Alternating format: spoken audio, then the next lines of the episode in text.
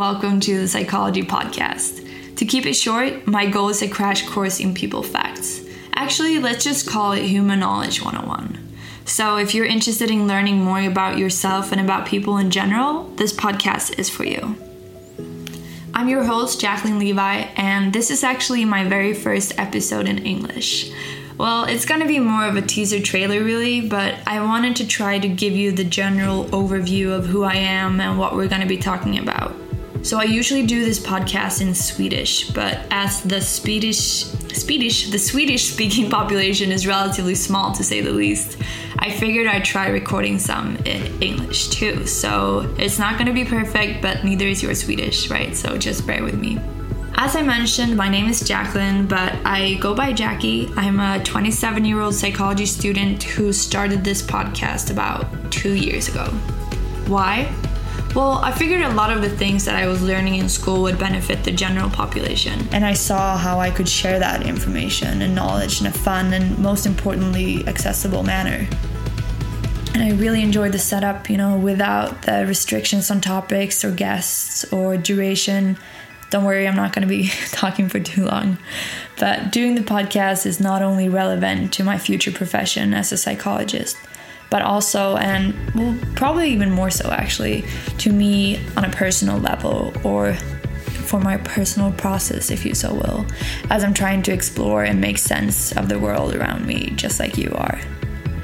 So, the podcast is partially about supplementing what we didn't learn in school. I don't know about you, but as I did learn about wars 200 years ago and naming tiny little villages and cooking rice, although, you know, I still haven't really mastered that yet.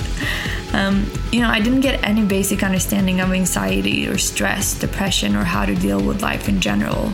And as I grew up, I realized that the problem isn't that the information isn't out there if I were to sit down and actually look for it. The problem is actually going to be the opposite, right?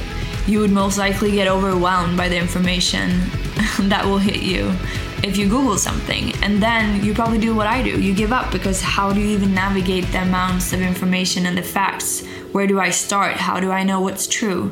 You don't. And that's why it's so hard, even though the information is out there. So, as to the format of the podcast, most of my episodes are going to be me interviewing people who have either personally experienced mental health issues or people who've worked extensively in the field of mental health.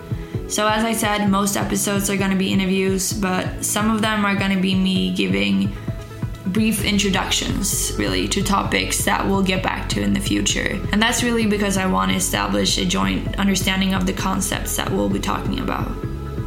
So at this point, you might be thinking, okay, Jackie, we hear you, but come on, like, why is the ambition to talk about psychology and mental health so important? Well, according to the World Health Organization, approximately 800,000 people commit suicide each year. To break it down a little bit, that's about one death every 40 seconds, or 2,200 people every day. Many more attempt, and even more have suicidal thoughts. It's actually the second leading cause of death amongst 15 to 29 year olds globally. It's someone's dad, someone's mom, someone's child, someone's friend, it's someone who's actually leaving us way too early. And more than 300 million people are now living with depression. And in addition, hundreds of millions suffer from anxiety disorders and sleep problems. I'm not gonna throw more statistics at you, but the list goes on, it really does. And I know that you know this, but the statistics are not only numbers. It's you, it's me, and it's the people around us. So, psychology is universally relevant, and right now I'm increasingly interested in why people develop mental health issues, despite the fact that several parameters of life quality has actually improved in the last decades. So, in particular, I'm intrigued by the dissonance or the mismatch between our environment and how our minds are wired. So, what do I mean by that? Well, if you think about it, in the past, our ancestors lived in completely different ways than we do today.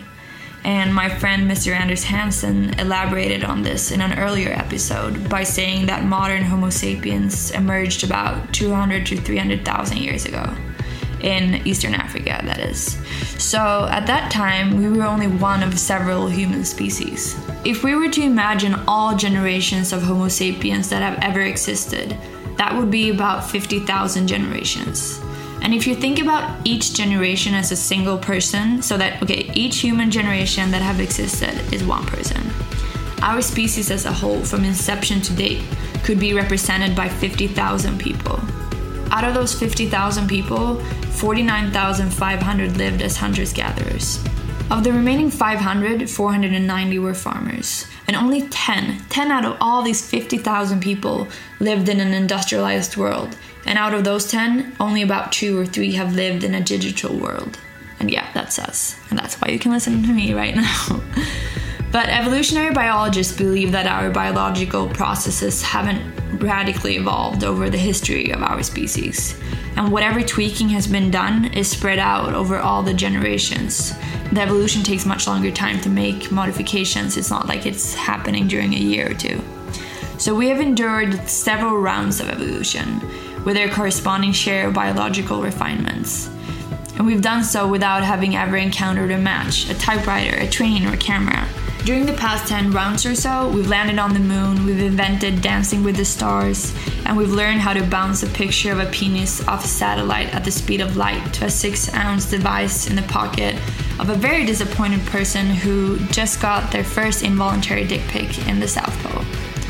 So, there simply has not been enough time for our biological processes, including those governing our psychology, to adapt to this radically different way of life. So we haven't adapted a mechanism for coping with today's way of living, and instead we fall back on the mechanisms that were fine tuned to help our ancestors live and survive a face off with a dangerous predator in the savannah. And those mechanisms can lead to a whole host of problems when employed in circumstances and at frequencies and durations for which they were never optimized to begin with. You've probably thought about this yourself, but this is like what I'm super into right now.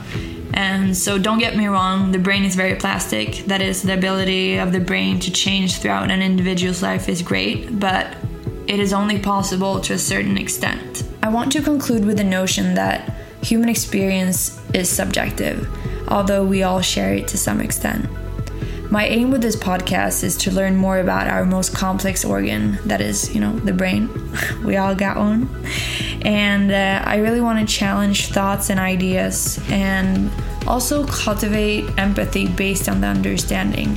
Because it's really hard to understand something and feel for someone if you don't understand where they're coming from. And historically, I'd say the taboo of mental health has been great, and to some extent, yes, still is today but we've also gotten better at sharing our experiences. So, in my opinion, I think that focus should now be shifted a little bit more from the people who are experiencing mental health issues to the people around them. It's about learning how to take responsibility not only for yourself but also for the people around you. We need to learn how to see what cannot always be seen if we just, you know, use our eyes. And we need to hear words without them being spoken and we need to ask questions that haven't been asked yet. And a first step is learning what to look for in yourself and others. And that is exactly what we'll be doing here. So if you like this, if you're interested in learning more, please subscribe. New episodes are coming up. Please follow me on Instagram. It's Psykologipodden. So P S Y K O L O G I P O D D E N. That really sounded like PDD. PDD.